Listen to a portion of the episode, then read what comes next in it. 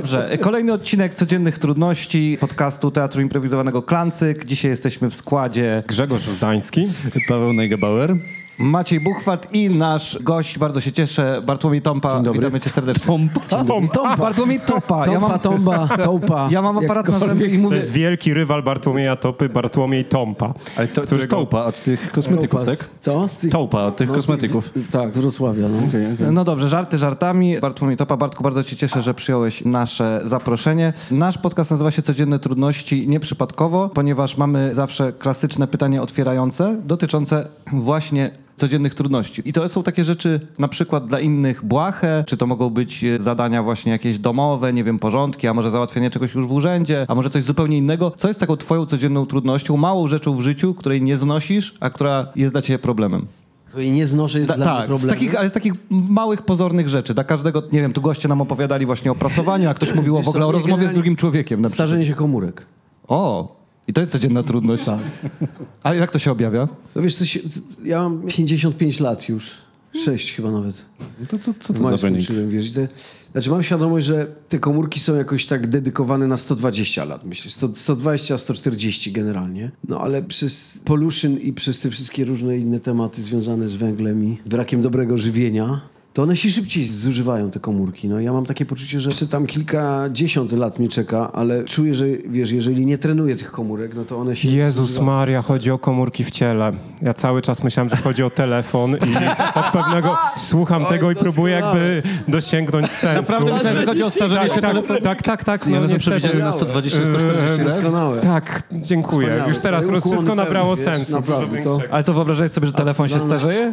No, że trzeba zmieniać wcześniej, ale jak padło też, że są obliczone na 120 lat, to się bardzo już zdziwiłem. I potem o co chodzi z odżywianiem? Czym odżywiają się komórki? Dobrze, przepraszam. E, Energią No elektryczną. mnie to strasznie rozbawiło. Że, słyszysz raz? No, że komórki się starzeją. Takie Znaczy komórki się i tak starzeją, bo w ogóle to jest ciekawe bardzo, że zadzwoniła do mnie pani z y, telefonii komórkowej i mówi, że mam dla pana promocję, żeby wymienić telefon i bombardowała mnie w takich porach, że nie mogłem rozmawiać i przestałem z nią rozmawiać i kiedy przestała do mnie wydzwaniać, nagle mój telefon zaczął się zawieszać, wyładowywać w połowie i ja próbuję do niej oddzwonić, że ja muszę wymienić ten telefon i ona już nie odbiera. Nie, już, już nie mogę się dodzwonić.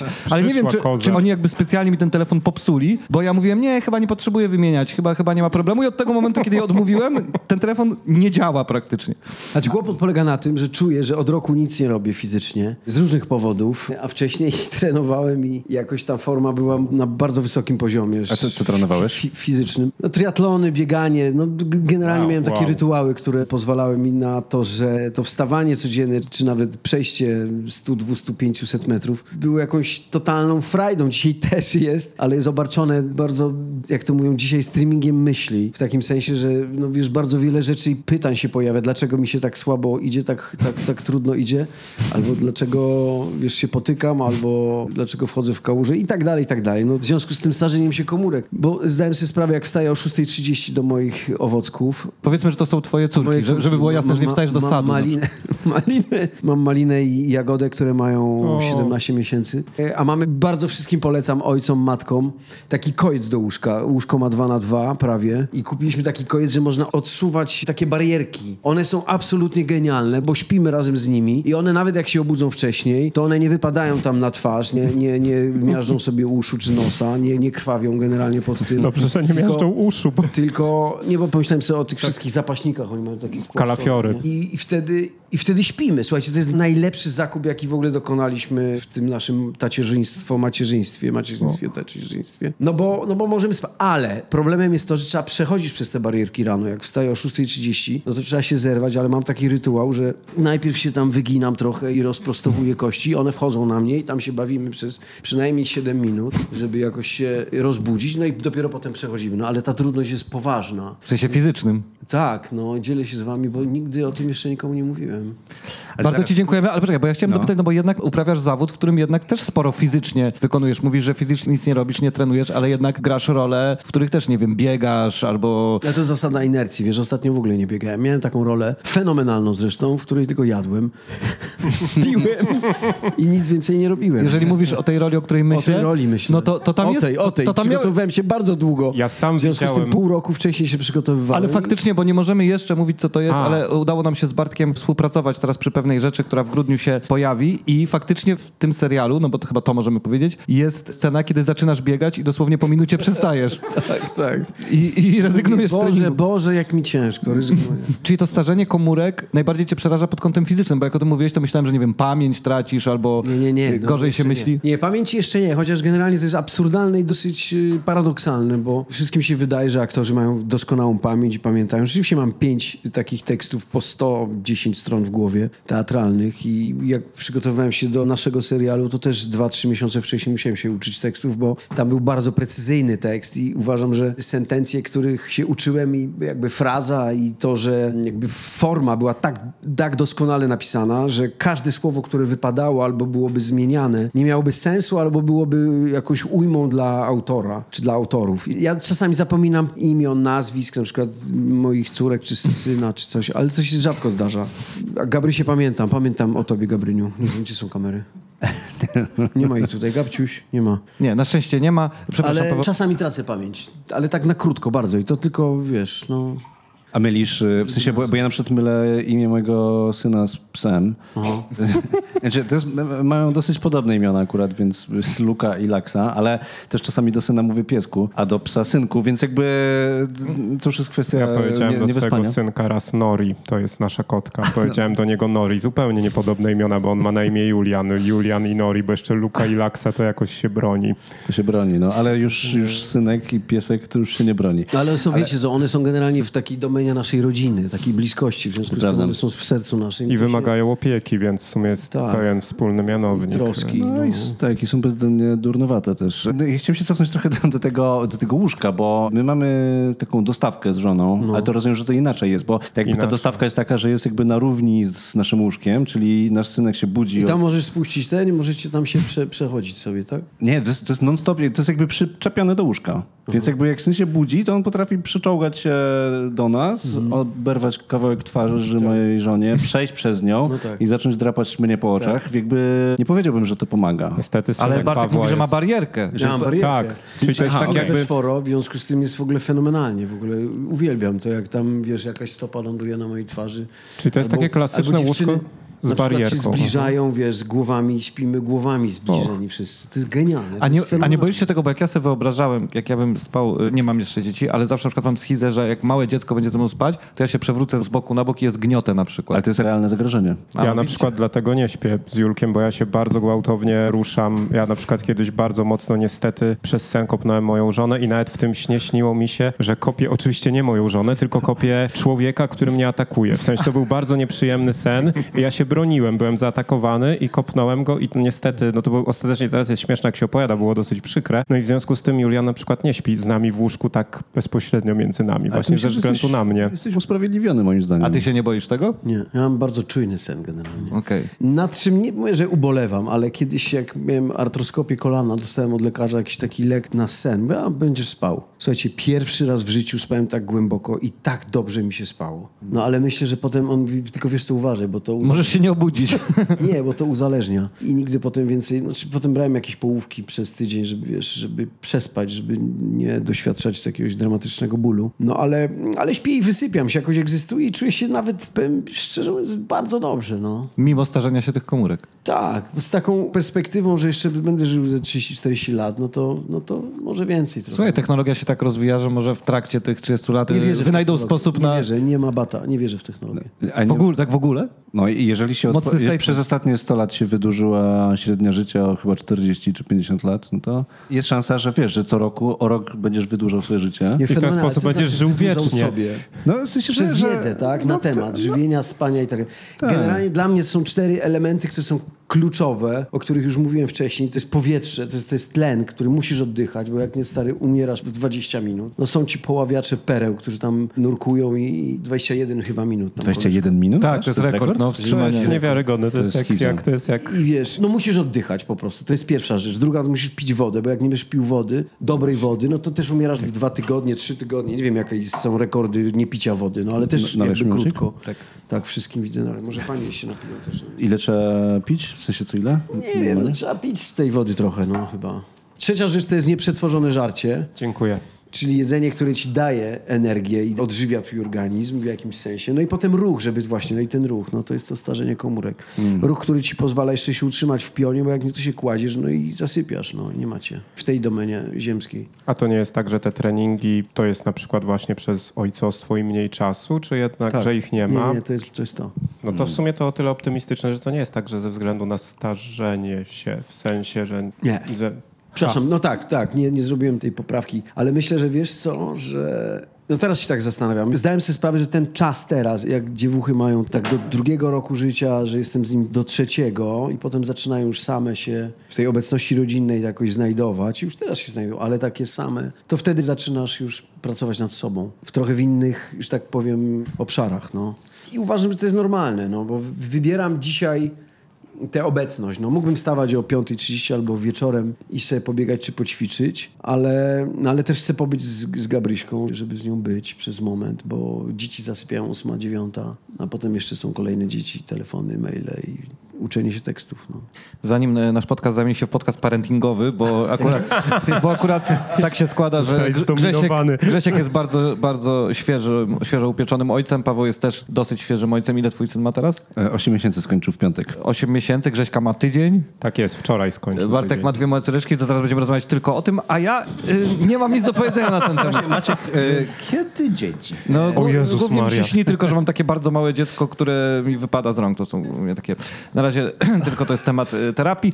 Słuchaj, mam takie, takie dziecko w Afryce, na które wysyłam pieniądze od liceum. Serio? No, mm, Ty, ale to już chyba jest dorosłe w tym momencie. E, Chyba tak, bo to właśnie, a możliwe, że już nie wysyłam, bo to było stałe zlecenie do 18 roku życia, żeby zająć się Okej. takim dzieckiem w Rwandzie. Także w jakimś sensie już jestem do przodu, wychowałem dziecko e, w przeciwieństwie do was. Ale wysyłał jakieś zdjęcia chociaż, albo Tak, coś pisał tak. do ciebie, że już tam... Jak Tak, było Usaby Imana. I myślałem, że to Ale- był- był chłopiec, fajne- a to była dziewczynka. Fajne jakby się zmieniały. To, było, to była dziewczynka. Jakby Właśnie się... okazało się, że to była dziewczynka i dostałem taki list tłumaczony przez jakieś tam siostry, które to prowadziły. I żałujesz coś, teraz? Że dziękuję, że dzięki tam pieniądzom może się uczyć w szkole. No, A fajnie jakby się rzeczy. zmieniały jej listy, że na przykład pod koniec, jak już jest nastolatką, Nie mam z pisała, tobą kontaktu. Nienawidzę cię. Jakby nie, Albo- nie rozumiesz Albo w jesteś ogóle. w Polsce daleko. A, a jest taka szansa, że na przykład przyjedzie do Polski, zapuka do drzwi i powie tato? Nie sądzę. Nie sądzę. I, I nie wchodź w te tematy, bo ja zaraz będę mówił o twoich y, różnych dzieciach rozsianych po świecie. Możesz też się tym pochwalić. Paweł był marynarzem i zanim się ustatkował, ustatkował, chociaż na statku pływał jako marynarz. No, no nieważne. Y, To jest chyba dobry moment na jingle.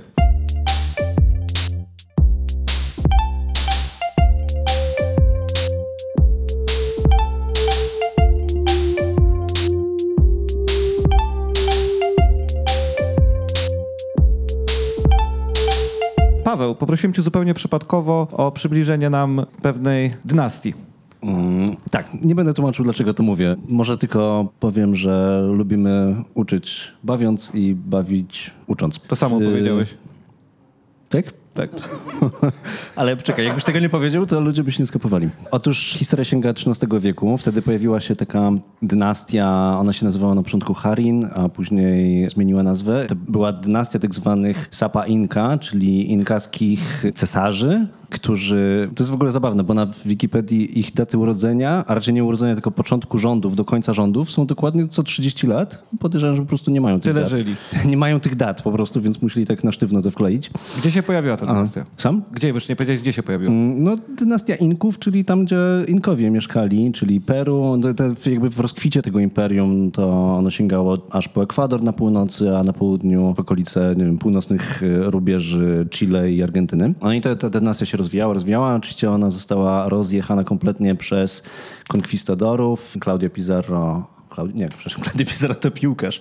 Jakiś inny Pizarro. E, Pizarro. Tak, no inny Pizarro, tak. Inny. Cortez i Pizarro, byli Hernan Cortez i tak, tylko chyba Cortez to akurat bardziej na północy był, a... Francisco Pizarro. Cortez Azteków tak, Francisco. Pizarro zadusił jednego z właśnie z tych cesarzy i później wstawił jakiego takiego fikcyjnego. No jakby to ktoś tam, gdzieś tam trwało. No i w pewnym momencie pojawił się tak zwany mm, Tupak, e, od którego w w, ogóle... W Ameryce. w- No, ale właśnie od niego, od tego wziął się też Tupak Shakur i to był też patron jednej ze szkół podstawowych w Warszawie, 239, nasienna już nie istnieje. W każdym razie ten człowiek, Tupak, Tupak oznacza po inkasku mm, szanowny, nobliwy, szlachetny. W niektórych wymowach tego e, języka quechua to jest topa.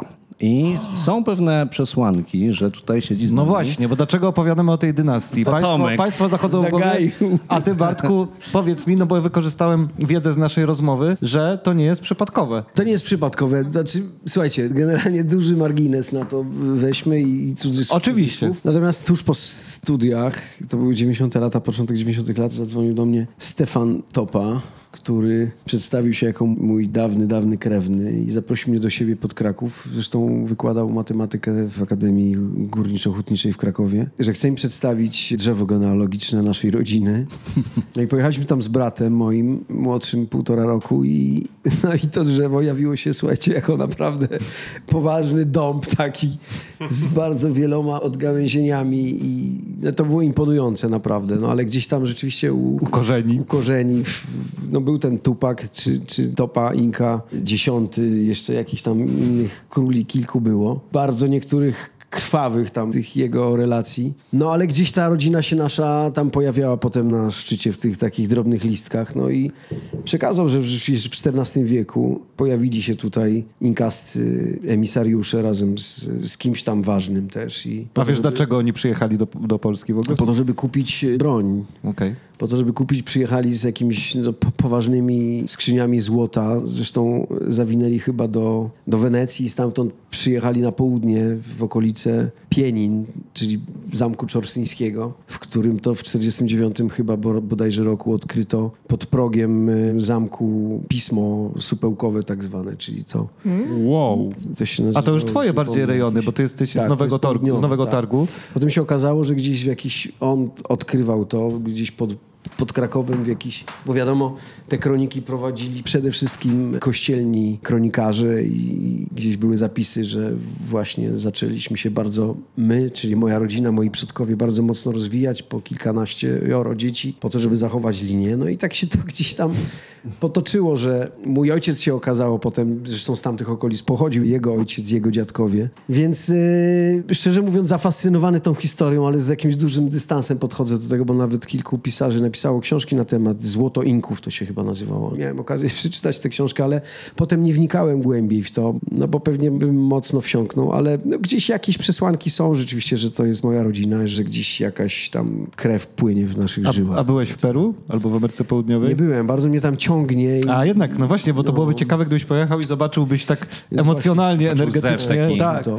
Czy, czy, to jest, czy to jest twoje miejsce, nie? Poczuł to. No zobaczymy, ale miałem, słuchajcie, bardzo dziwne spotkanie potem w latach chyba już dwutysięcznych, jak niejaki, nie wiem, czy żyje jeszcze, chyba Seweryn miał na imię Aszkenazy, który jak potem się okazało, czytałem, to, to były jakieś koligacje mocne z księżniczką, która osiadła w Czorsztynie, w zamku czorsztyńskim. No i, po, i potem się znaleźli gdzieś na Węgrzech chyba, mam wrażenie. No w każdym razie razem z całym tym skarbcem, a on zaproponował mi, bo ja chciałem zawsze przelecieć helikopterem, no i rzeczywiście tak się stało, że to moje marzenie zostało spełnione jakoś tak ad hoc, w ogóle 3-4 tygodnie później, jakaś taka materializacja myśli i marzeń. I poleciałem takim Robinsonem 44 nad Krakowem i okazało się, że właścicielem tego był Aszkenazy niejaki, czyli ta koligacja z tych poprzednich moich pokoleń. Słuchaj, to się wszystko układa w jakiś kod, jakoś- kod Da Vinci. Bardzo dziwna historia. A no, powiedz ale- tylko, czy ten lot był satysfakcjonujący, skoro takie bardzo, marzenie... Bardzo, bardzo. Fantastyczny. Więc jak mówisz o tych emocjach, że może tam do Peru polecę albo kiedyś jeszcze mnie tam za, zarzuci, to no to może, kto wie. Natomiast generalnie od jakiegoś czasu, od chyba 2007 bodajże, te moje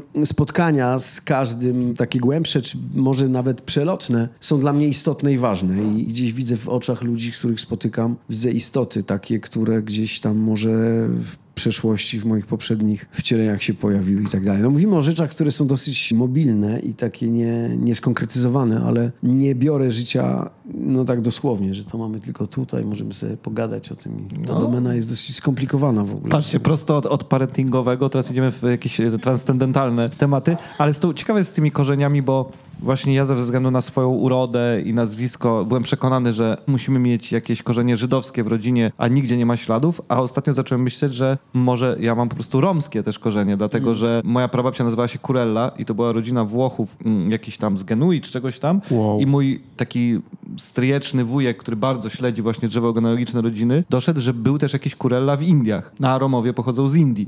Więc bardzo możliwe, że ta moja jakby egzotyczna uroda to jest z tej strony, a nie tak jak zawsze myślałem, z jakiegoś bliskiego wschodu. Macie jakieś ciekawe ślady w waszych... Ty, ty Paweł, co, Austria czy Niemcy? No, ja też zawsze byłem przekonany, że mam żydowskie jakieś korzenie, ale mój dziadek zawsze mówił, że w żadnym wypadku. Jezus No, delikatnie. Natomiast moje nazwisko, jak się okazało, czyli Neigebauer, jest bardzo takie... W sensie w Polsce może nie, nie brzmi tak, tak sztampowo, ale to jest po prostu Nowak australijski, bo to jest... Austriacki, nie Austriacki. Austriacki. Żonę masz z Australii, dlatego pomogę. Ja mi się myli. To są dwa różne kraje, bo to jest od, od nowo pobudowany, czyli tak jak Nowaki, czyli przyjezdni i tak dalej, i tak dalej. No jakby taka rodzinna historia jest, że koło XVI wieku gdzieś tam właśnie w Galicji się pojawili tacy, taka rodzina, ale to jest na, na tyle chyba właśnie takie nazwisko powszechne, że to myślę, że to nic nie znaczy po prostu. Ale co ciekawe, w Częstochowie jest bardzo duże natężenie Neugebauerów, więc jeżeli ktoś nas nie lubi, no to tam trzeba atakować, e, nie tutaj. A ty Grzesiek? No ja to, to ciekawe, bo w sumie tak stereotypowo ktoś patrzący mógłby uznać, że najmniej by sądził z nazwiska, że z naszej trójki ja mam korzenie żydowskie, a ja faktycznie mam w sensie i w dodatku mam korzenie żydowskie i niemieckie, co jest powiedzmy, e, jeżeli spojrzeć na pewne okresy w historii dosyć specyficzną mieszanką i e, Jednocześnie mógłbyś być, być katem i oprawcą.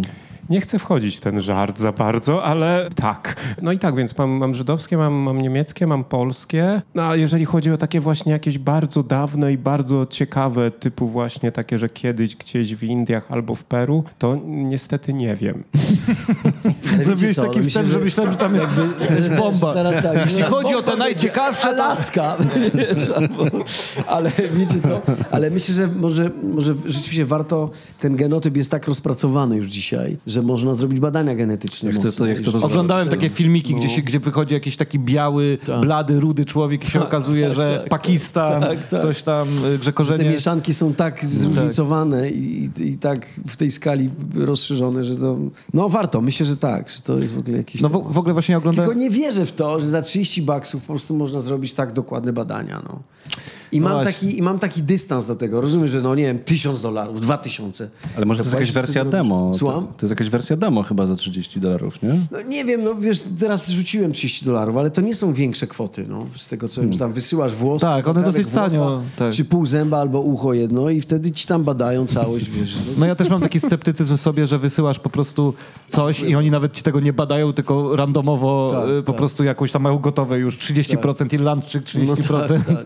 No i jak, to- jak to sprawdzić? jak to sprawdzisz właśnie? No To właśnie, jakby- że to, po zdjęciu po. Pewnie mi się człowiek poszedł do laboratorium i widział, jak na komputerku się wys- wyskakują jakieś dane, chociaż przyznam, że dosyć właśnie fajne było dla mnie i takie bardzo dobrze wymyślone, jak widziałem taki film, taką kampanię społeczną na temat tolerancji i jakby przeciwko ksenofobii różnym takim rzeczom, gdzie właśnie bardzo ludzie z teoretycznie jakichś antagonistycznych środowisk etnicznych właśnie e, byli podejmowani temu testowi i tam siedział na przykład jakiś Palestyńczyk z Żydem albo nie wiem, y, super, y, taki Afroamerykanin, ale z takimi mocnymi afrykańskimi korzeniami, z jakimś tam holenderskim Amerykaninem czy irlandzkim i nagle się okazało, że, że mają dużo więcej ze sobą wspólnego niż na przykład z teoretycznie przedstawicielami ich rasy, nie? Czy tam, no nie wiem, czy słowo rasa już w ogóle, no ale ich etniczności, że tak naprawdę tam, nie wiem, Żyd i Palestyńczyk mogą mieć w sobie tyle samo i irlandzkiej krwi, o której nie mają pojęcia i czy tam genów irlandzkich, czy jakichś tam celtyckich, czy nie wiem, słowiańskich, że to jest tak wszystko nieoczywiste. I fajne w tym filmie było to, że ludzie zaczęli nagle właśnie tak widzieć, jak głupie są te antagonizmy, rasizmy, ksenofobie wynikające jakieś, z bariery z, budujemy sami. z kulturowych rzeczy, które... Wynikają tak z kulturowych rzeczy gdzieś, wiesz. po z jakichś żeby- no. głupich, z polityki, wiadomo, z wojen, ale że jakoś, może brzmi tak banalnie, ale to miało jakąś mega moc, jak widziałem, że ci ludzie zaczęli tak po prostu na siebie patrzeć jak na drugiego człowieka, a nie jak na kogoś, kto jest z jakiegoś powodu inny. Ale, No, ale... ale ale to taki satawizm chyba w zasadzie, że gdzieś to zostało z dawnych czasów, kiedy faktycznie przemocą się rozwiązywało większość problemów. teraz już I jej nie jakby- ma. Teraz No, y, Okej, no są kraje, które gdzieś tam powiedzmy zostały w przeszłości, jak nasi dalsi sąsiedzi, powiedzmy, ale w większości kraje, w sensie ta przemoc fizyczna już nie jest aż tak istotnym, nie pełni takiej roli w rozwiązywaniu problemów, nie? A więc jakby te ksenofobie jakby historycznie, no to miały sens, no bo trzeba było się bronić przed kimś tam, tak? A teraz to nie ma sensu faktycznie. Gdzieś tam No, ale wiesz co, ale wewnątrz społeczeństw ile jest tego? Szczególnie No, społeczeństw prawda. zróżnicowanych właśnie etnicznie. No to nie możesz powiedzieć, że tam nie ma przemocy. No. E, Ale słuchajcie, wesoły podcast, e, także czas pociągnijmy temat Ja mam przemocy. statystyki na temat przemocy. No, żart. Nie to czas na dżingiel.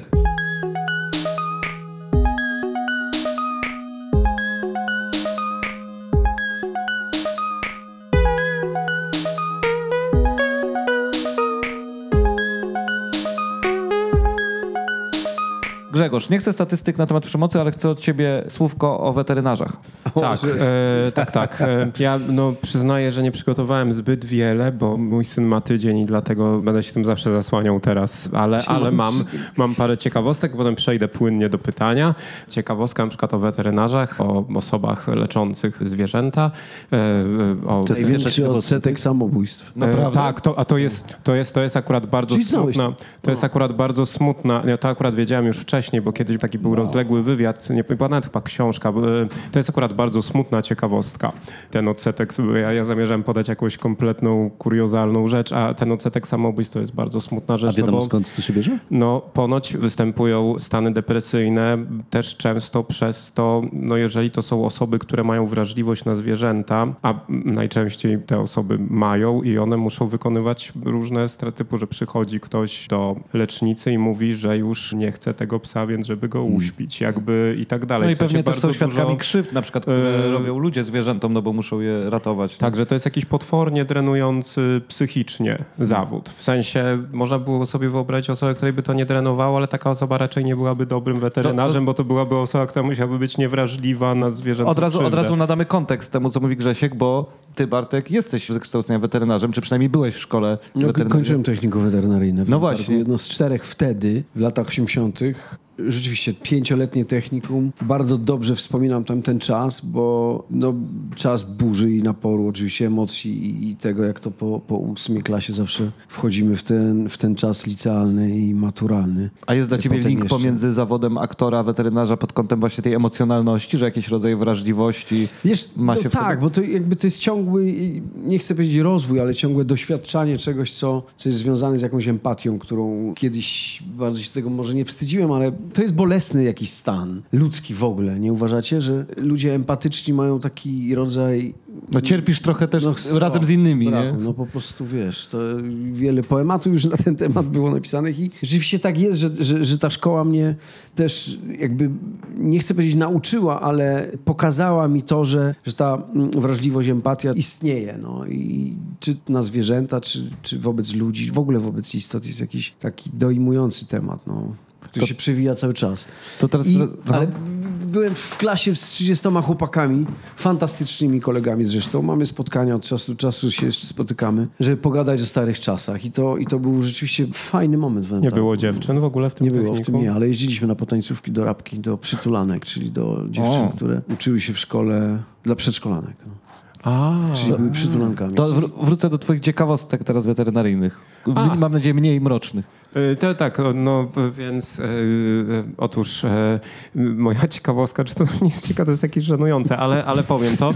Otóż najstarszy weterynarz świata znany w historii nazywał się Urlu Galledina i e, był, e, to był w Sumerze i z 3000 lat temu jest zachowany na jakimś tabliczce, że Może był ekspertem w leczeniu zwierząt. Więc to w ogóle odleglejsza historia niż, niż Tupak, ponieważ to jest 3000 przed naszą erą, nie 3000 lat temu. Przepraszam bardzo. 3000 przed naszą erą, czyli 5000 lat temu Urlugal, Urlugal Ledina No ale to... leczył zwierzęta. Tak. I oni na pewno mieli jeszcze kontakty z obcymi cywilizacjami. Wtedy Sumerowie, tak? Mogło tak O, być. Być może on wykorzystywał jakieś technologie y, od, y, od, od tychże obcych, żeby leczyć Albo zwierzęta. leczył obcych po prostu, nie. Albo leczył obcych, a oni byli mm, nazywani tym samym słowem, co zwierzęta. Zwierzęta. Może to były zwierzęta. Co? To, że to były gadające zwierzęta, jak w serialu Bojack Horseman, w sensie, bo na I przykład w- krowy. I one w, w ten, w Wigilię przylatywały, tak? I stąd się wzięła tradycja. A, to, Poczekaj, Wigilia Maciek, bo przed mam Jezusem. jedno pytanie do ciebie, bo tak o, bo tak zainteresowałeś tym o. Co Tak. cię tak zaciekawiło? Nie, ciekawe mnie, że, że, że zaraz przejdziemy do rozmów o obcych cywilizacjach, o życiu w kosmosie. Czego nie planowałem, a czemu nie? Czemu nie? Trzeba iść zawsze za nurtem rozmowy. Ale faktycznie układa się to w całość, bo ty zażartowałeś, że zwierzęta mówiły w Wigilię w czasach Sumerów, stąd się wzięła tradycja. A przecież oglądaliśmy Flintstonów, oni też mieli choinkę, a żyli przecież długo przed Tak. Jezusem. Proszę, możesz dalej, Grzesiu, o weterynarzu. No tak, tak, tak. I to jest dowód, jeżeli ludzie mówią, nie mogło być Wigilii przed Jezusem, no to te jednego z drugim mędrka odsyłamy do Flintstonów i już jakby się zamyka, bo e, no, no i tak, no i to jest ta ciekawostka, którą mam. Jedyna? Nie, nie, mam jeszcze drugą, że także drugim, drugim co do e, starości świadectwem historycznym jest e, w Egipcie była taka księga, nie pamiętam jak się nazywa i tam było o leczeniu zwierząt, a z kolei 300 lat przed naszą erą król Ashoka, Asho, Asioka chyba się nawet wymawia bardziej niż Ashoka, Asioka, król Indii zbudował pierwszy znany historycznie szpital dla zwierząt. O. Więc ja postanowiłem za, za, po, trochę podobnie jak Paweł, takie historyczne, bo nie zdążyłem dotrzeć do żadnych innych ciekawostek, więc mam ciekawostki historyczne. No i tenże Asioka nawet napisał w edykcie, że wszędzie powinien być, powinny być leki, lecznicze zioła dla ludzi i zwierząt, a jak nie ma, to trzeba kogoś posłać. Nie jest jasne kogo, ale... No, ale to się e, łączy bardzo z tym tematem empatii w ogóle, Tak. że, że w czasach no bo on był w ogóle starożytnych- buddystą takim, on chyba na początek tam nie najlepiej miał początki swojej empatii, bo chyba wyrżnął wiele osób w jakiejś masakrze. Przynajmniej wobec później. Od czegoś trzeba zacząć. ale no. później wydaje mi się, że był takim bardzo oświeconym i bardzo takim właśnie ludzkim władcą, zwłaszcza jak na tamte czasy. I jako taki Właśnie moim też... zdaniem niektórym satrapom nie dano szansy po prostu. Jakby, Nagrałem o tym utwór w wieku 13 lat na swojej kasecie że nie wiadomo, nie wiadomo. Miał refren Władcy światowi nie byli gotowi. Naprawdę, to nie żart. Tylko to, to jest kontrowersyjne, bo tam o takich bardzo krwawych dyktatorach nawijam. Nieważne. E, Bartku, wracając do... Bo to rozumiem ciekawostki, Grzesiu. y, Ciekawostki, obydwie. tak, Dziękuję a- bardzo. E, Czy, dlaczego w końcu nie zostałeś tym weterynarzem, skoro tak Właśnie. dobrze wspominasz, wspominasz tę szkołę? Ja się zakochałem, no.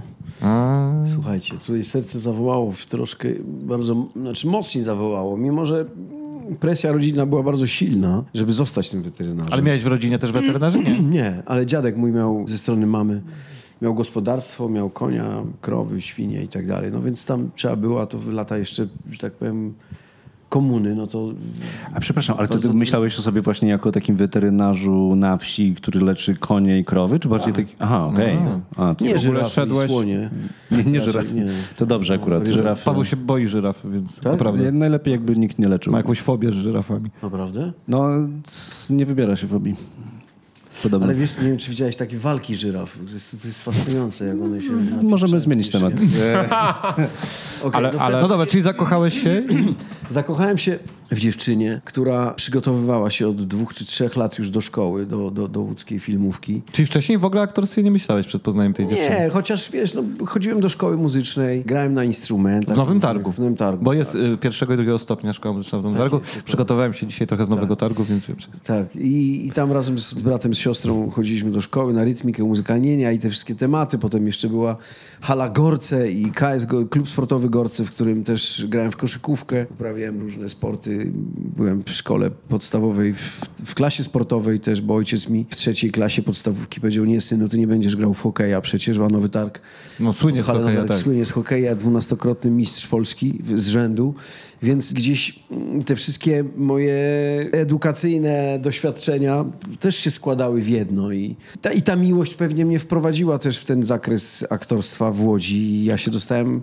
Ale czyli po, pojechałeś się jakby... nie dostała. Ale, po, o, to, to, ale Właśnie pojechałeś z nią spytać. razem i dla towarzystwa Pojechałem zdawałeś? Tak. Nie, nie, nie, nie dla Ty już wtedy też się wkręciłeś. Już się zacząłem przygotowywać troszkę. Jakieś akademie były, wiesz, no trzeba było troszkę tam jeden wiersz, dwa wiersze, zaśpiewałem po góralsku, coś tam sobie wymyśliłem. Yy, Ja nie pamiętam, żeby miał akcent też podhalański, ale rzeczywiście profesorowie, którzy siedzieli za zielonym stołem, powiedzieli Panie Topa, czy pan jest w stanie ten akcent zmienić po tym, albo nie wiem, przejść na jakiś normalny? Ja, drodzy Państwo, nie wiem, bo ja, się, ja pierwszy raz jestem w Łodzi. Więc nie wiem, no ale się udało jakoś i chyba nie, nie słychać, że jestem z gór. Ale może Nie, nie, słychać. znaczy, Nie. I- Ale jak się zbliżam do rapki, już jestem przy rapce gdzieś bliżej, no to już zaczynam mówić gwarą. Także No wa- ale to właśnie się dzieje czasami, zaśpiewem. czasami tak podświadomie. Jak moja mama, jak jadę z moją mamą do Lublina, moja mama jest z Lublina i do dziadka, to ja, ona ma inną melodię w Lublinie. Tak, ona troszeczkę tak inaczej mówi. nie? Znaczy tak, zaciąga też, oni mają Płynniej takie, trochę, w Lublinie mają coś takiego, że ludzie tak jakby się, zawsze jak mówią, jakby się martwili. Że, że ktoś mówi tam, ktoś mówi, ile jechaliście? Dwie godziny. O. No. Coś tam tak, I dużo jest takich, o. I tam, no to weź ziemniaki. No dobra, no. No tak. Oj, to dajcie się. To zjemy jeszcze, dokładnie. Ale jakby wszystko jest obarczone takim, takim nie no to zupę sobie zjem. Tak, taką No, zupę no, sobie. no Nie, to usiądziemy już, tak? To na spacer pójdziemy może. I zawsze jest taki, nawet w neutralnych rzeczach takich, napijesz się herbaty, jeszcze. to to weźmie herbaty. Mm, Więc mojej mamie, która nie ma tego na co dzień, jakby czuje, że jej się to włącza właśnie jak Tak, się tak. pojawia w różnych stronach. Ale super, że powiedziałeś o tej miłości, bo to płynnie nas prowadzi do kolejnego tematu.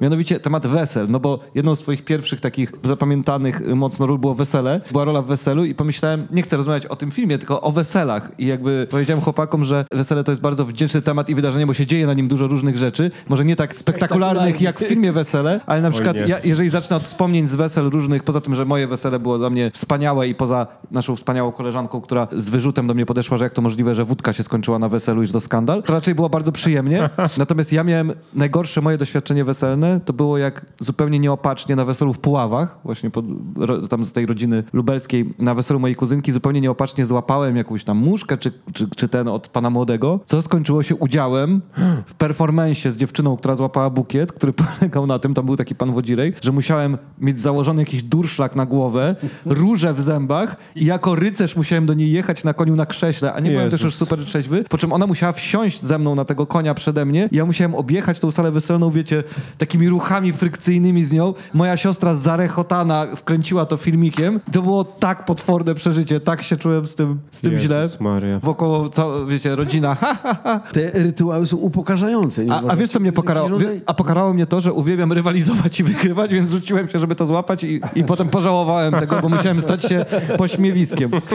Więc to jest moje najgorsze weselne doświadczenie. I jeszcze ma, mam jedno takie dosyć zabawne, jak musiałem pójść na ślub, który odbywał się bardzo rano, a to było, byłem wtedy bardzo młody i powiedziałbym... 130?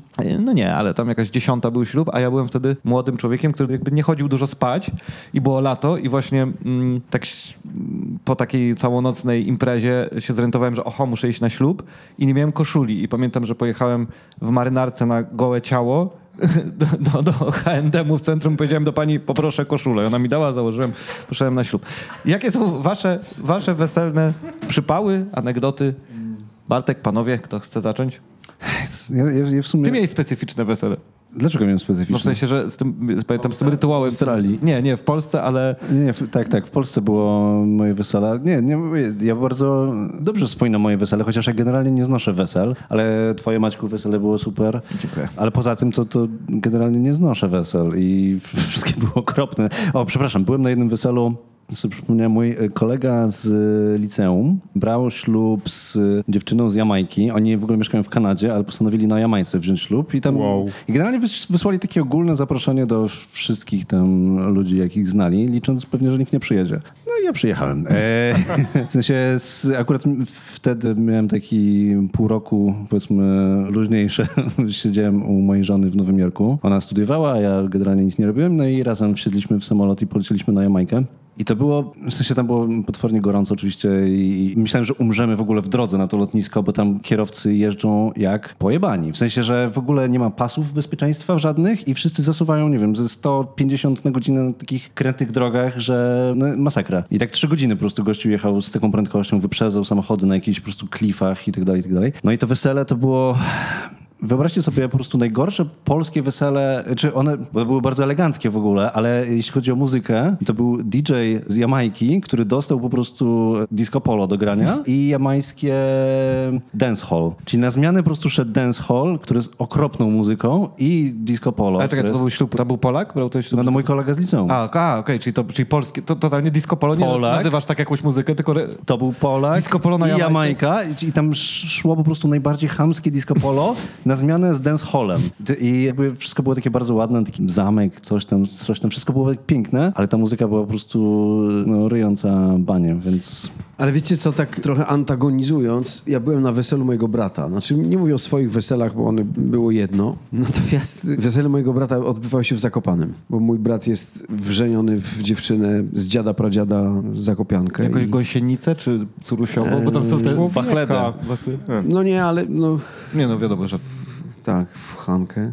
I to wesele trwało, słuchajcie, no trzy dni tak konkretnie. A w związku z tym, że moja rodzina ze strony mamy pochodzi z Pienin i generalnie moja rodzina jest mocno rozśpiewana. I rodzice moi w chórach śpiewali, mama ma, miała, ma mnóstwo sióstr, ojciec, ale ma, mama przede wszystkim braci swoich. Jak się zebrała cała ta rodzina, że tak powiem, ta tak zwanych gacioków, czyli górali pienińskich, czyli tak zwanych trochę, to nie były takie mocno spodnie góralskie z sukna prawdziwego, tak, no takie troszeczkę A czyli cieńsze. gacioki podchodzi od ubrania, Od, tak? u, od ubrania. No to wiesz, to tam generalnie odbywał się konkurs na śpiewy. I jak zaśpiewali ci górale tacy, wiesz, skaliści, czyli z Zakopanego, z tymi moimi pienińskimi, to to po prostu, słuchajcie, tam no, mury się trzęsły. No, ale to naprawdę. musiało być piękne. Fenomenalne. No to nie, no to- być piękne. wspaniałe. To, to, to, To, było cudowne. To Wszystkie te rytuały, które się odbywały, oczepiny i tak dalej, one odbywały się w formie konkretnej. Z dziada, pradziada w tych konkretnych godzinach, z tym rosołem czy burakami i tak dalej. Kwaśnicą, która tam wjechała o piątej czy o szóstej, już nie pamiętam, bo to było dawno temu. Ale ja pamiętam, wspominam, że serce się po prostu...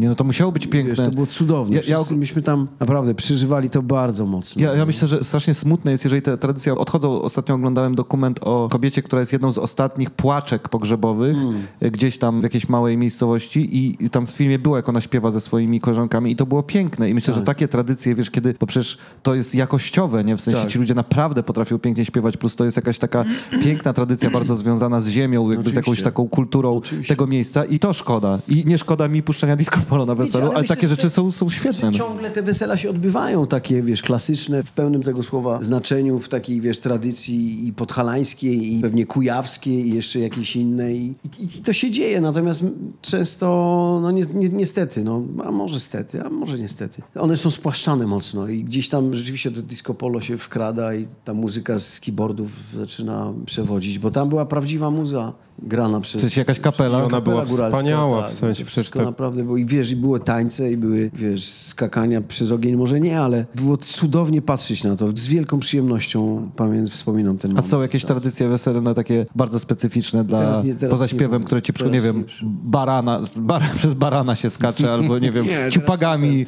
Myślę, że są, pewnie ciupagą. brata by mojego trzeba byłoby zapytać, bo on tam mocno w tej tradycji jest, jeszcze góralskiej. Stepowanie kierpcami. Bo, jest, bo mieszka w tym, no na przykład. Rzuto z cypkiem.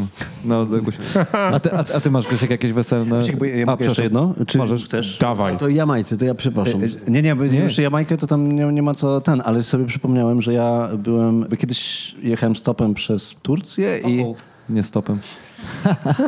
Dobrze, dobrze Maciek. Jechałem stopą przez Tur... e, stopą e, z Bartkiem Topą. Właśnie, to- to był mój żart. topą. A, tak? No, o to mi chodziło. No to, dopiero teraz zrozumiałem, ale wiesz co, ja mam alergię, więc jakby... No, Komórki ci się starzeją. Starzeją mi się komórki. Szare. E, tak, więc jechałem e, akurat nie z topą, tylko z takim Francuzem, takim kolegą. Jechaliśmy z Turcji do Gruzji i na pace w ogóle jakiegoś takiego pick-upa. Byliśmy tacy mocno, powiedzmy, usyfieni. I wjechaliśmy do miejscowości Achalciche, która jest taką pierwszym takim... Byłem tam. Byłeś tam są takie ruiny stare. Tak? No, tam tak, tak, tak. No i, e, i to jest taka pierwsza w zasadzie jakieś takie większe miasto poza granicą z Turcją. No i tam po prostu weszliśmy do jakiegoś baru, żeby coś zjeść i taki dziwny bar, ale taki dziwny taki hałas był, bo on był taki mały niby, czy budynek był duży, ale sam bar był mały. I w pewnym momencie podbija do nas jakiś taki gościu w garniturze i ten Francuz nie mówił po rosyjsku, ja wtedy jeszcze nieźle mówiłem, to było już z 12 lat temu. I się pyta, czy nie, czy nie chcemy na wesele pójść.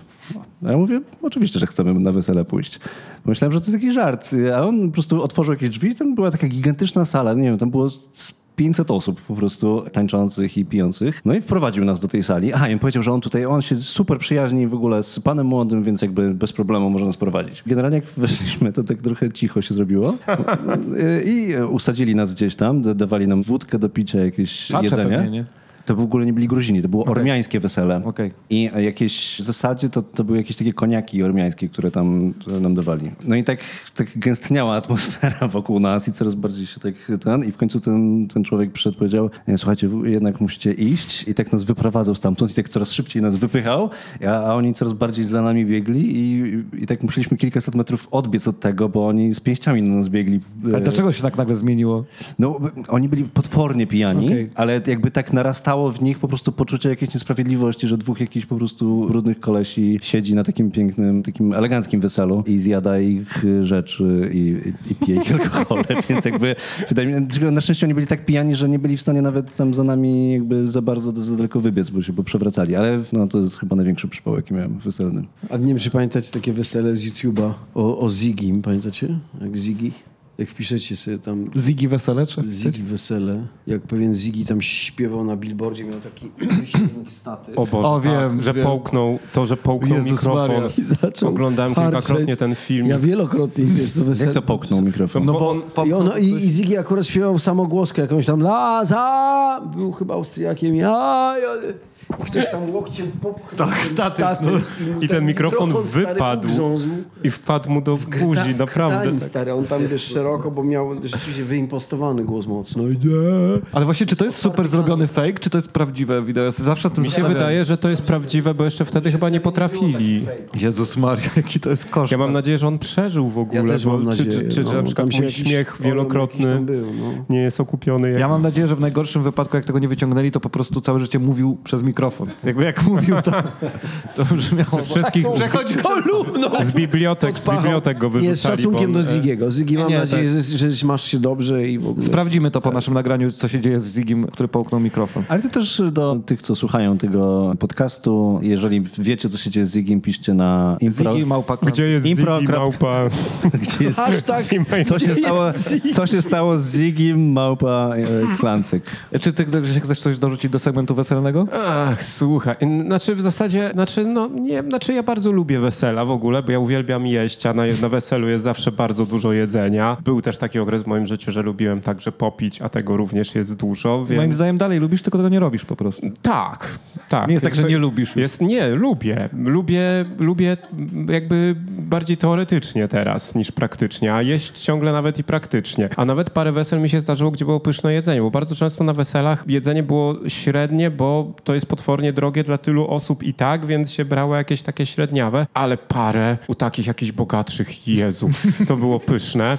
To nie jest żadna konkretna anegdota, tylko taka powiedzmy refleksja. Natomiast no ja mogę opowiedzieć, jak się otarłem o wielki świat na weselu, ponieważ e, jak ja zacząłem robić impro, jeszcze nie byłem w Klancyku, to między innymi byłem w takiej jednej grupie z Herbertem Makuchem i Maciejem Kaczyńskim i Herbert znał córkę Magdy Gessler i jak ona wychodziła za mąż, to zostaliśmy tam zaproszeni, żeby robić impro dla gości. Więc e, było, było dużo bogatych osób. Był Rafał Soni, który przyleciał helikopterem i wylądował wśród bardzo. drzew. Tam myślałem o tym, kiedy wspominałeś o helikopterze. No i była oczywiście Magda Gessler, był Piotr Ikonowicz, który zacięcie opróżniał kolejne kieliszki, bo chyba jako lewicowiec nie wiem, jak znosił to bogactwo, także swoje. No i jedzenie zaskakująco średnie. No właśnie, to musi być stres na Ale to nie ona- córki Magdy Gessler. To nie ona organizowała. No to dobra, ale przychodzi Magda Gessler na wesele, to musieli ci ludzie Mo, być może ten stres ich zjadł i jakby... Bo... Tam kuchenne rewolucje. I...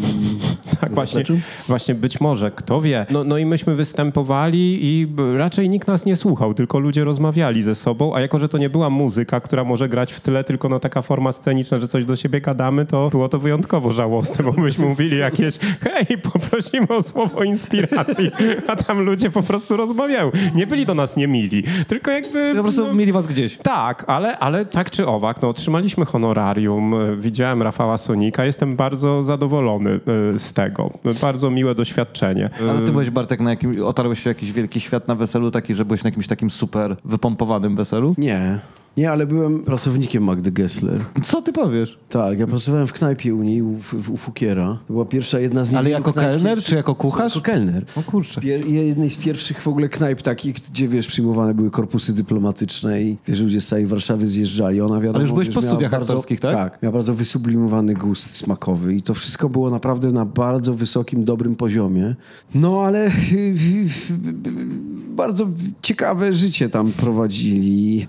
I kucharze, i Magda, i to wszystko tam bardzo pięknie pracowało. Ale noce spędzaliśmy potem w domu chłopa grając w snookera. Och. Razem z kelnerami wspaniałymi, zresztą takimi zawodowcami. No ale y, ja potem byłem takim kelnerem, którym chłopcy mnie wysyłali do takich większych grup, już moi koledzy. I miałem takich klientów, gości, którzy przychodzili.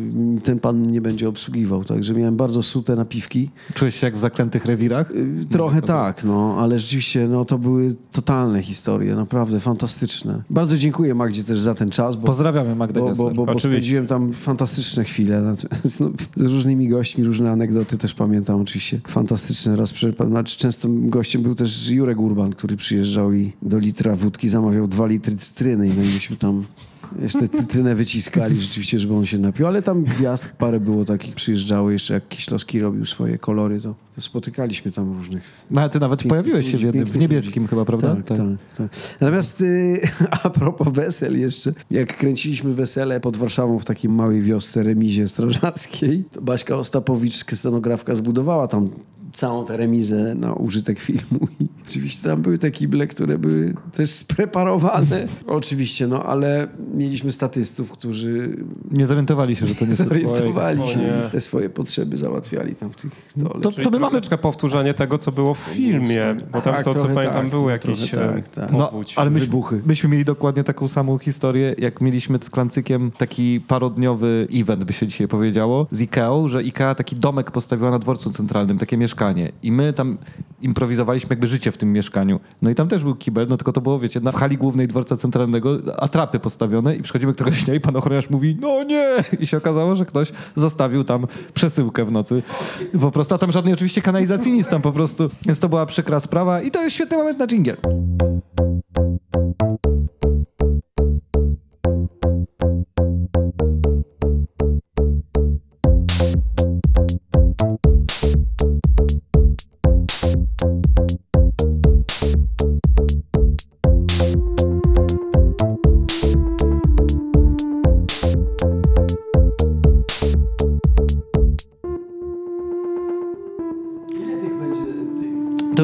Przedostatni, bo mamy dwa ostatnie segmenty i Bartku, to jest teraz taki nasz stały numer, bo jak każdy z naszych gości szybko się może zorientować, uwielbiamy rozmawiać my, mówić, więc zapraszamy gości, a tak naprawdę to jest pretekst, żebyśmy my jak najwięcej mówili. W związku z tym podeszliśmy do segmentu pytanie gościa do nas. E, Dobra, słuchajcie, no to już, jadę.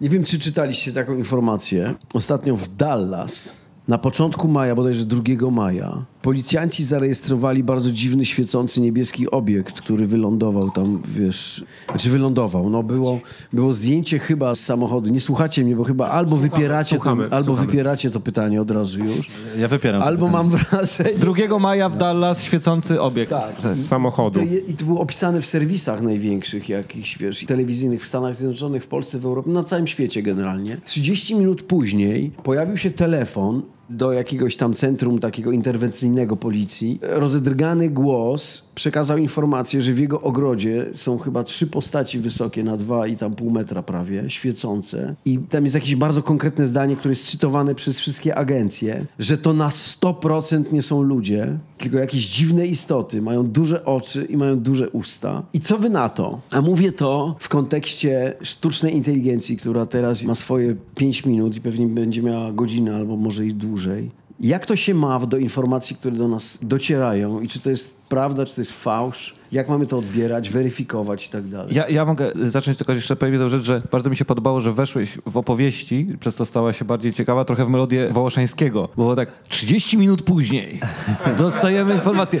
W tym samym czasie w sztabie Hitlera. Ale nie, no dobra, ja mam, ja mam coś takiego, że jestem osobą, która bardzo chce i nie boi się tego, żeby w życiu były rzeczy niewyjaśnione. W ogóle wierzę w jakiś rodzaj metafizyki na przykład i czegoś, co się dzieje ponad tym, co dostrzegamy, więc mnie by na, ekscytowało na maksa, gdyby się okazało, że na przykład faktycznie kontakty z y, obcymi cywilizacjami mają miejsce. Dużo śledził, no też była jakiś czas temu sprawa z tym takim obiektem, który ten wojskowy samolot też wychwycił amerykański. Ja się zawsze zastanawiam, że skoro od lat się o tym mówi, y, jakiś Roswell i te wszystkie rzeczy, to dlaczego przy technologii, której mamy, jakby nigdy nie mamy takiego niezbitego dowodu wciąż na to, takiego naprawdę, że, że ktoś zarejestrował na przykład y, przybysza z innej cywilizacji. Oczywiście próbuję sobie na to odpowiedzieć też tak, że prawdopodobnie oni nie chcą być rejestrowani, bo w ogóle jest bardzo ciekawa książka o spotkaniach, nie pamiętam w tym momencie jak się nazywa, o spotkaniach z y, takiego trzeciego stopnia w Polsce i zbierające takie relacje z tego, bo było w Polsce też w latach 80. sporo takich rzeczy i ciekawe jest to, że i to na przykład jest dla mnie argument za tym, żeby nie do końca, żeby nie odrzucać faktu, że tak może być, że niezależnie czy to wiecie było na Mazurach, na Pomorzu, w Suwałkach, gdzieś tam i, i często dotyczyło to bardzo prostych ludzi, jakichś rolników i tak dalej, że te relacje są bardzo podobne. I w sensie opisów fizycznych, ale też, że większość tych ludzi mówiła, że przybyły istoty i powiedziały tylko na przykład tam chroncie wodę albo coś takiego. Y, Woda i, i że powtarza się ta woda, więc teraz oczywiście jak mamy dostęp do różnych popkulturowych rzeczy, to ludzie mogą specjalnie mówić takie rzeczy, ale nie wierzę, że jakiś pan Bronek z, ze wsi i wymyśli, na, na- nagle wymyślił, że... Więc to jest coś, co mnie ciekawi, dlaczego te rzeczy się powtarzają. Ale ciekawi mnie to też na takim poziomie, jak to, że ludziom się śnią podobne rzeczy, które niby nie istnieją, więc myślę, że jest duży obszar niezbadany jeszcze przez nas w ogóle dotyczący rzeczywistości. Natomiast odpowiadając konkretnie na to, o czym mówisz, ja bym chciał, myślę, że bardziej krzepiące dla mnie by było, że jest inne życie w kosmosie niż my, bo jak pomyślałbym, że jesteśmy tylko my, to to jest bardzo smutne przy takim ogromie kosmosu. Natomiast część mnie jednak pozostaje sceptyczna pod tytułem, już tak wszystko wycieka, że chyba kurde byśmy wiedzieli, a z drugiej strony ile rządzący światem przed nami ukrywają, to też inny temat.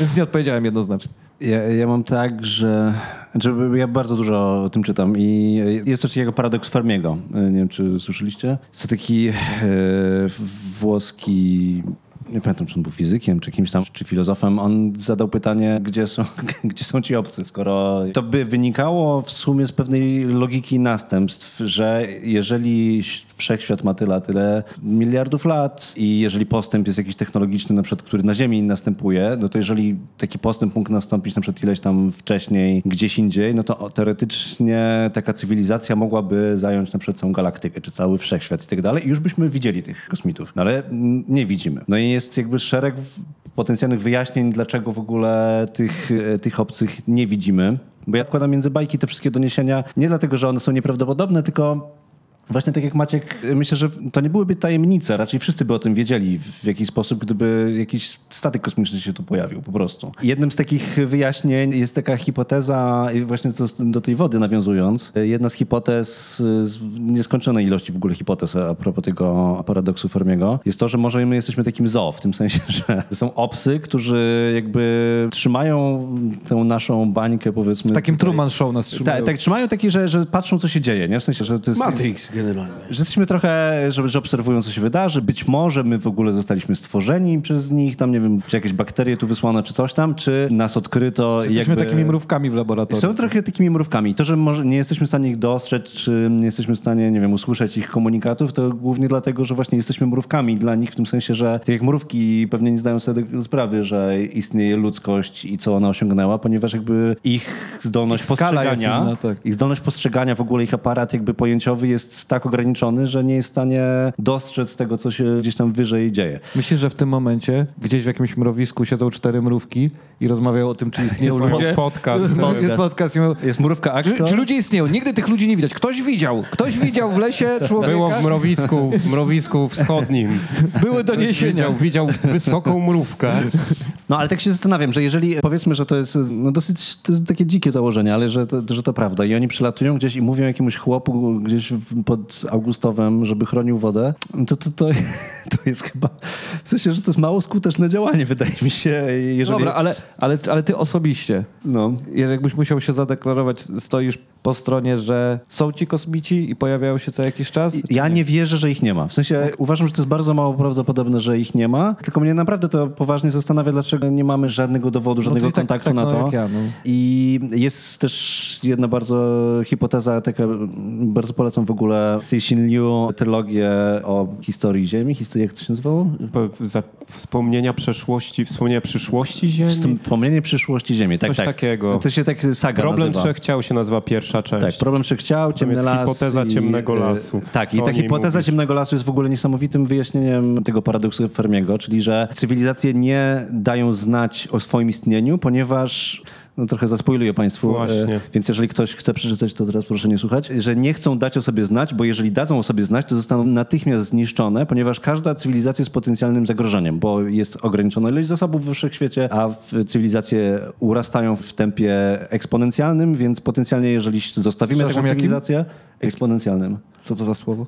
No, w, wykładniczo. Paweł wymyśla słowa szybko, żeby, żeby brzmiało... No tak, eks- e, od eksponent, czyli wykładnik. No, ja jestem z wykształcenia matematyki. Przepraszam mówię.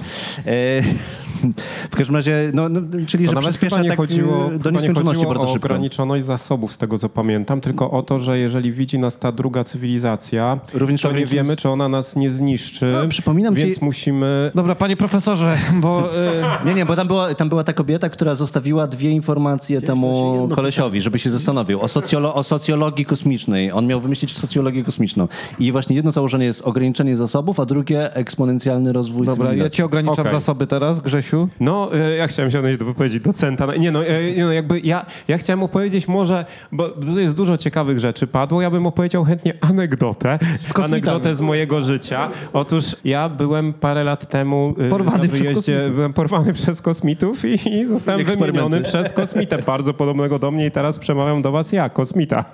Ziemskie robaki, nie spodziewaliście się tego, co?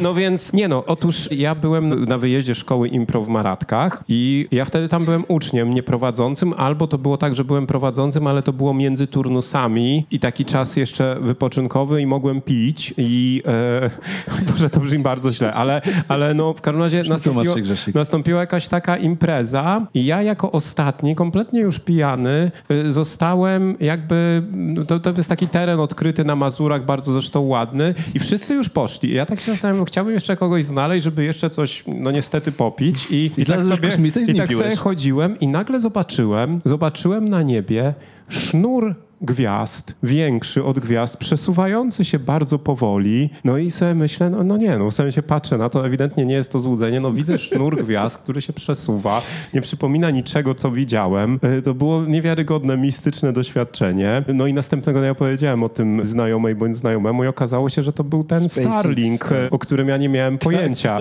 wtedy, ale ten moment był naprawdę niezły, no bo jakby widzę nagle takiego gwiezdnego węża, który sobie sunie i myślę, kurwa, UFO. W sensie jakby no nie ma innej już możliwości, w sensie to nie jest tak, że jest jakieś No, w jakimś dziwne sensie światło. to było UFO dla ciebie w tym momencie, bo był to niezidentyfikowany obiekt latający. Tak, Więc... ściśle więc rzecz tak. ujmując tak. A dobrze, Bartku, czy ty chcesz skomentować i co ty na to? Bo zadałeś nam to pytanie. Ja myślę, że ta rozległość, bo wiesz, wszechświata jest tak skomplikowana, jest tak wielowymiarowa, że jestem przekonany o tym, że istnieją inne, inne cywilizacje, które czasami wpadają w tę domenę po prostu tego wszechświata i, i się wymieniają. Pewnie są w innych wibracjach, innej częstotliwości. I to czasami wpadają przez pomyłkę czy przez przypadek, coś tu się zawieruszyli na chwilę i, i dalej. I dla nas są jakąś ciekawostką, czy, czy jakąś formą tajemnicy i nierozwiązywalną póki co, ale z drugiej strony myślę, że rozwój technologii jest tak dynamiczny dzisiaj, że mam takie przypuszczenia, że kto wie, no może właśnie tak jak mówisz, władza ukrywa coś przed nami. Jak powiedziałeś, że wpadają przez przypadek, to przypomniał mi się rysunek Marka Raczkowskiego, jak przylatują kosmici i chyba jeden był taki, że przylatują, wychodzą i tylko jeden z nich sika w krzaki i odlatują dalej, że Ziemia to dla nich jest takim krzaczkiem po prostu, a drugi był chyba, że po kotka przyjechali, który im się zgubił i że z drzewa go ściągają.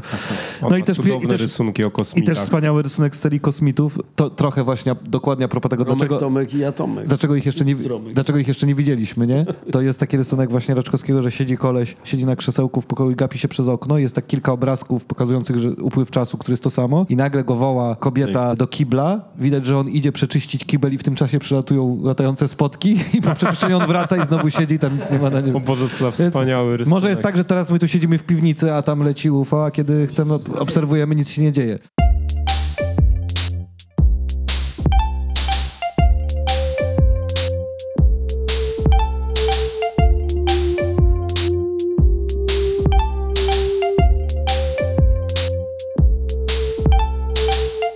Kochani, ostatni segment, bo teraz bardzo merytorycznie, bo gadaliśmy o wszechświecie, więc teraz lokalnie wejdziemy w formie rozrywkowej, bo mówiliśmy o nowym targu. Przepoprowadzę quiz o nowym targu.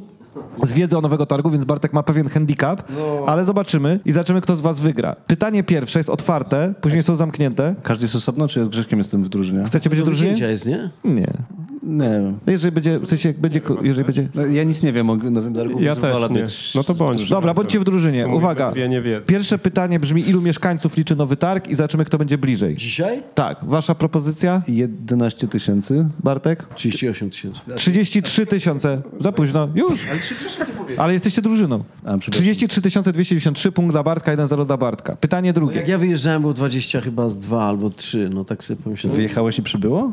No. Paradoks. No bo pielgrzym, pielgrzym, pielgrzymki do rodzinnej miejscowości Bartka.